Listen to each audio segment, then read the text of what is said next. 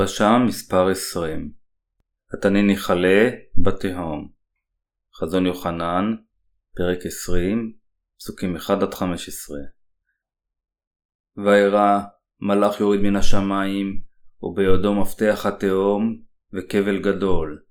ויתפוס את התנין את הנחש הקדמוני הוא המלשין והוא השטן ויעשרהו לאלף שנים.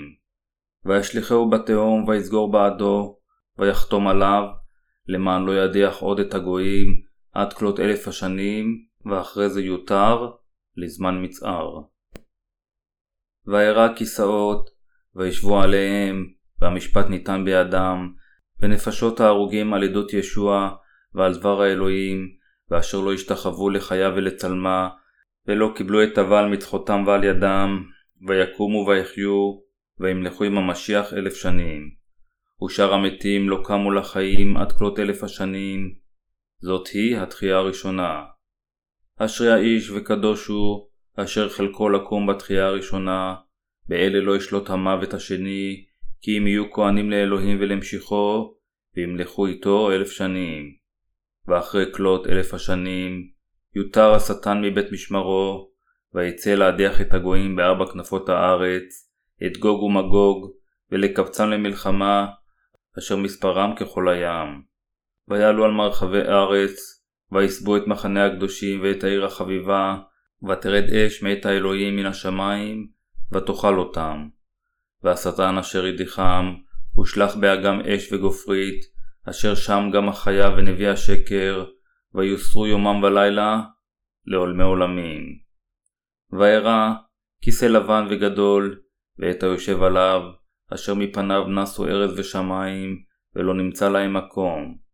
וירא את המתים הקטנים עם הגדולים, עומדים לפני הכיסא, וספרים נפתחים, ויפתח ספר אחר אשר הוא ספר החיים, וישפטו המתים, על פי הכתוב בספרים כמעשיהם. ויתן הים את מתיו, והמוות והשאול נתנו את מתיהם, וישפטו איש איש כמעשיהם. והמוות והשאול הושלכו כאגם האש, והוא המוות השני. וכל איש אשר לא נמצא כתוב בספר החיים, הושלך באגם האש. פרשנות פסוק אחד וירא מלאך שיורד מן השמיים, ובידו מפתח התהום וכבל גדול. כדי לתת את גמולו לקדושים אשר עמלו למען הבשורה, אדוננו האלוהים ייתן להם את מתנת מלכות ישוע למשך אלף שנים. כדי לעשות כן, אלוהים יצווה על אחד ממלאכיו לשים את התנין בתהום למשך אלף שנים. אלוהים חייב לעשות את העבודה הזו קודם, כיוון שהתנין חייב להיות מוחזק וכבול מראש בתהום, כדי לאפשר לקדושים לחיות במלכות אלף השנים של המשיח. אלוהים ייתן למלאכו את מפתח התהום בכבל גדול, ויפקוד עליו להחזיק ולכבול את התנין לתהום. פסוק 2 ויתפוס את התנין, את הנחש הקדמוני, הוא המלשין והוא השטן, ויעשרהו לאלף שנים. זה אשר פיתה וגרם לאדם וחווה להיכשל הוא הנחש הקדמוני. התנ"ך קורא לנחש הזה התנין והשטן. אלוהים יחזיק בשטן הזה ויכבול אותו בתהום למשך אלף שנים כדי שהקדושים יוכלו לחיות במשיח במלכות אלף השנים. פסוק 3 וישליכהו בתהום ויסגור בעדו ויחתום עליו למען לא ידיח עוד את הגויים עד כלות אלף השנים ואחרי זה יותר לזמן מצער. על מנת לבנות את מלכות המשיח על האדמה הזו, ועל מנת שהקדושים ישלטו עם ישוע למשך אלף שנים, אלוהים יכבול את התנין לתהון למשך אלף שנים, וימנע ממנו להוליך שולל את הקדושים. הקטע אומר כאן, ואחרי זה יותר לזמן מצער. כאשר יסתיימו אלף השנים, אלוהים ישחרר את התנין לזמן מה? כך שכאשר הוא ייסר שוב את הקדושים, הוא ישלח אותו אז לגיהנום לעד, והוא לא ייראה יותר.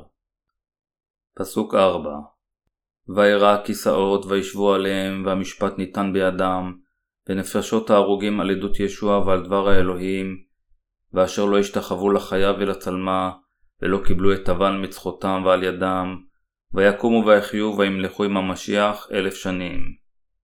במלכות המשיח הנותרים שנולדו מחדש יקבלו את הסמכות לשפוט. הקדושים בהיותם כהניו של המשיח, ישלטו במלכות אלף השנים עם ישוע.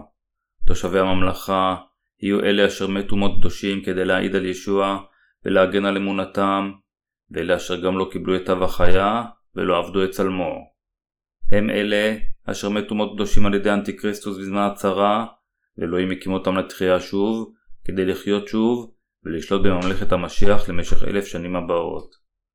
כמובן, כל אלה אשר ישתתפו בתחיית המתים הראשונה, יקבלו גם את אותה ברכה. ישנם שתי תחיות מתים אשר יינתנו על ידי ישוע, התחייה הראשונה והתחייה השנייה. הקדושים אשר יחיו במלכות אלף השנים, הם אלה אשר לקחו חלק בתחיית המתים הראשונה.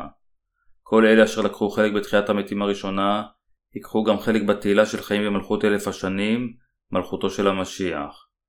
התחייה הראשונה תתרחש כאשר ישוע יחזור כדי לקחת את הקדושים. הראשונה אלה תסלוניקים, פרק 4, פסוקים 15-17. אך השנייה תתרחש בסוף מלכות אלף השנים, כיוון שהיא הוכנה בשביל החוטאים, אשר נידונו למוות נצחי. הסמכות לקדושים לשלוט במשך אלף שנים ניתנת על ידי אלוהים הכל יכול. מלכות המשיח ניתנת להם, כיוון שהם האמינו בבשורת ישוע של המים והרוח, ונתנו את חייהם כדי להגן על אמונתם בה. פסוק 5 ושאר המתים לא קמו לחיים עד כלות אלף השנים, זאת היא התחייה הראשונה. אלה אשר לא קיבלו את מחילת חטאים מישוע, ויבואו אליו לאחר שחיו על הארץ כחוטאים, לא יוכלו להשתתף בתחייה הראשונה שאלוהים ייתן לקדושים. לפיכך, אף על פי שהקדושים יחיו במשך אלף שנה במלכות המשיח, החוטאים לא יקבלו את התחייה הראשונה, אלא במקום זאת הם ישתתפו בתחייה השנייה. הסיבה היא, מכיוון שהקדושים אשר יקבלו את הברכה של תחיית המתים הראשונה, יקבלו גם רשות לשלוט בסמכות המשיח, באושר ובכבוד למשך אלף שנים. בכל אופן, אלוהים יאפשר את התחייה השנייה לחוטאים. מדוע? מכיוון שבשעת התחייה השנייה, אלוהים יקים אותם לתחייה ממותם, כך שהם יוכלו להישפט על חטאיהם. גורלם הוא לקום לתחייה מן המתים ולהישפט על חטאיהם. זוהי הסיבה מדוע תחיית המתים של החוטאים שונה מזו של הקדושים, בסדרה ובתוצאותיה. מלבד אלה אשר השתתפו בתחיית המתים הראשונה בגלל אמונתם בבשורת המים והרוח, ישוע לא יאפשר לאף אחד לחיות שוב עד שאלף השנים יחלפו. כך, תחיית המתים של הקדושים מתרחשת אלף שנים לפני תחיית החוטאים. תחיית הצדיקים היא כדי לקבל ברכות וחיי נצח, אך תחיית החוטאים היא כדי לקבל עונש נצחי על חטאותיהם. פסוק 6 אשרי האיש וקדוש הוא, אשר חלקו לקום בתחייה הראשונה, באלה לא ישלוט המוות השני, כי אם יהיו כהנים לאלוהים ולמשיחו, וימלכו איתו אלף שנים. התנ"ך אומר לנו שהמוות השני לא ישלוט באלה אשר לקחו חלק בתחייה הראשונה. לפיכך, זה אומר לנו שאלה אשר לקחו חלק בתחייה הראשונה מבורכים, כיוון שהם גם ישלטו במלכות אלף השנים. פסוקים 7-8 ואחרי כלות אלף השנים יותר השטן מבית משמרו, ויצא להדיח את הגויים בארבע כנפות הארץ, את גוג ומגוג, ולקבצם למלחמה, אשר מספרם ככל הים. שישתחרר, לאחר שיהיה כלוא במשך אלף שנים בתהום, התנין ינסה להתייצב נגד הקדושים פעם נוספת, ואז אלוהים ישליחו לאש גופרית, כך שהוא לעולם לא יהיה מסוגל לצאת משם שוב. עם דין זה, התנין ייראה רק בגיהנום. ייתכן שנשאל אז, האם המשמעות של זה היא שאלה שלא נולדו מחדש גם יתקיימו במלכות אלף השנים? התשובה היא כן. חזון יוחנן, פרק 20 פסוק 8 רושם שיש הרבה מאנשי הארץ במלכותו של המשיח. איננו יודעים לוודאי אם הם אנשים אשר יבראו מחדש על ידי אלוהים, או אלה אשר חיו על הארץ לפני כן. אך מה שאנו יודעים זה שאלוהים יודע מי הם, וכדי שהקדושים ישלטו, יהיו הרבה מהם ככל הים. האמת היא שכאשר הקדושים יחיו במלכות המשיח, הם עדיין יראו את אנשי הארץ. הם יתקיימו כדי לשרת את הקדושים, ומספרם יהיה ככל הים. למרות שהם התאחדו עם התנין כדי להתייצב פעם נוספת נגד הקדושים, הם כולם הושמדו על ידי האש שתצא מאת האלוהים, יקבלו את דינו הנצחי על כיסו הלבן, ויושלכו לגיהנום הבוער לעד. כשזה יקרה, מלכות אלף השנים תגיע לקיצה, ומאז והלאה הקדושים יועברו לשמיים ולארץ החדשים, ויחיו שם לנצח. פסוק 9 ויעלו על מרחבי ארץ, ויסבו את מחנה הקדושים ואת העיר החביבה, ותרד אש מאת האלוהים מן השמיים, ותאכל אותם. התנין הוא השטן אשר בעקביות התייצב נגד אלוהים וקדושיו. למרות שהוא ירמה את אנשי הארץ החיים בממלכתו של המשיח ויאיים על הקדושים, כיוון שאלוהים הוא כל יכול, הוא יוריד אש מן השמיים, ישמיד את כולם, ויזרוק את התנין לאש הנצחית, כך שלא יתייצב שוב לעולם נגדו ונגד קדושיו. פסוק 10 והשטן, אשר ידיחם, הושלך באגם אש וגופרית, אשר שם גם החיה ונביא השקר, ויוסרו יומם ולילה לעולמי עולמים. והשליחו את השטן לאגם אש וגופרית, אלוהים יוודא שהוא מתייסר יומם ולילה. זהו דין הצדק של אלוהים, הסבל של התנין וחסידיו, ראויים לו. פסוק 11 וירא כיסא לבן וגדול, ואת היושב עליו, אשר מפניו נסו ארץ ושמיים, ולא נמצא להם מקום. והשלימו את גמולו לחוטאים במשך אלף שנים, אלוהים יברא את השמיים והארץ החדשים שלו, ויחיה עמם לעד במקום ההוא. כדי לבצע זאת, אלוהים יצטרך להביא את כל העבודות אשר עשה לסיום. המעשה האחרון כמובן, הוא שישוע יושב על הכיסא הלבן כשופט, וייתן את דינו האחרון על כל החוטאים, אשר מעשיהם רשומים בספר המעשים, חוץ מאלה אשר שמותיהם רשומים בספר החיים.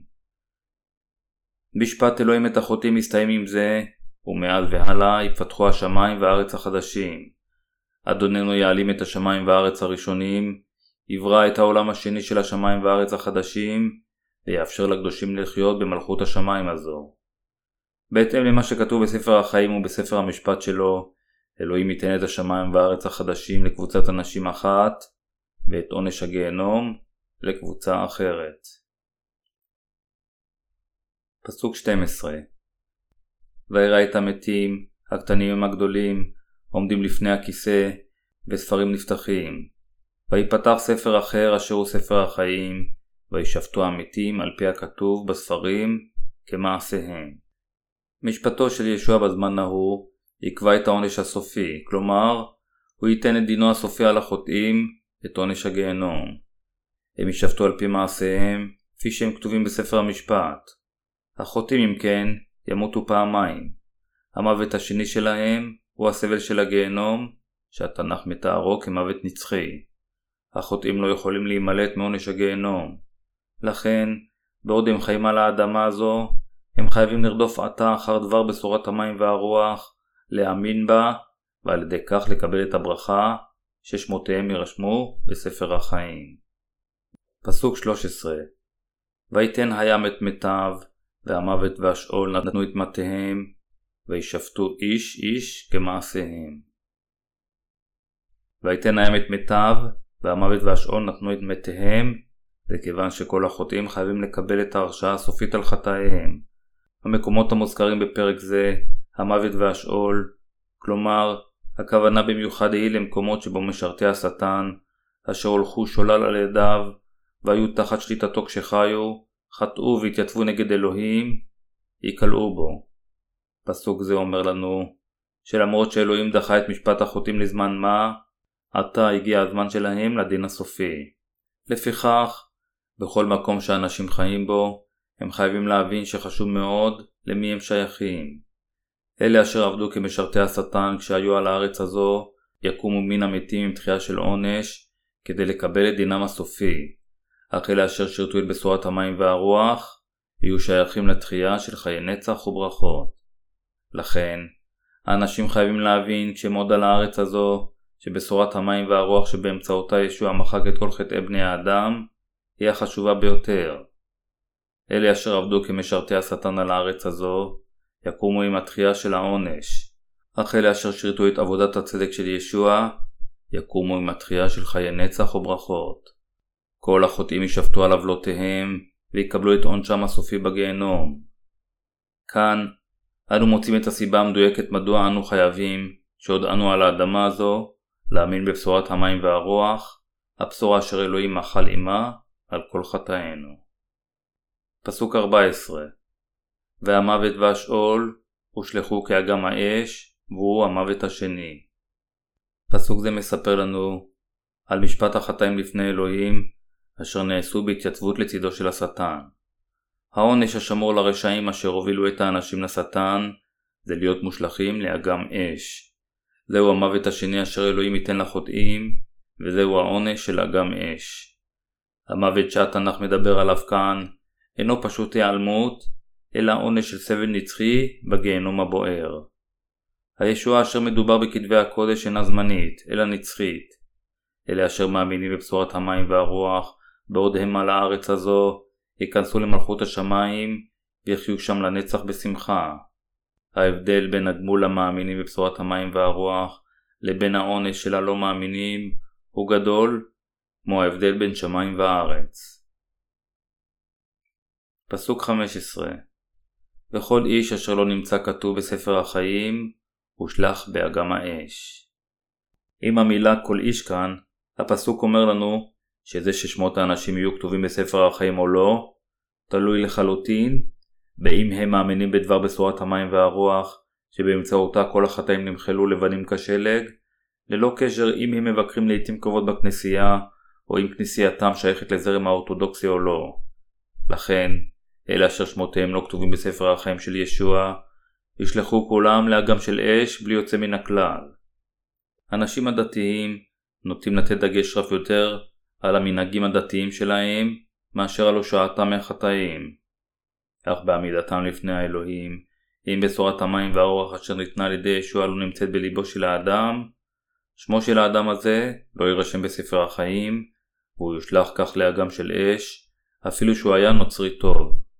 לכן, כאשר אתם עדיין חיים בעולם הזה, עליכם לשמוע באוזניכם את בשורת ישוע של המים והרוח, אשר גרמה לכל חטאיכם להיעלם, ועליכם להאמין בה בכל לבכם. אז תקבלו את התהילה ששמותיכם יירשמו בספר החיים.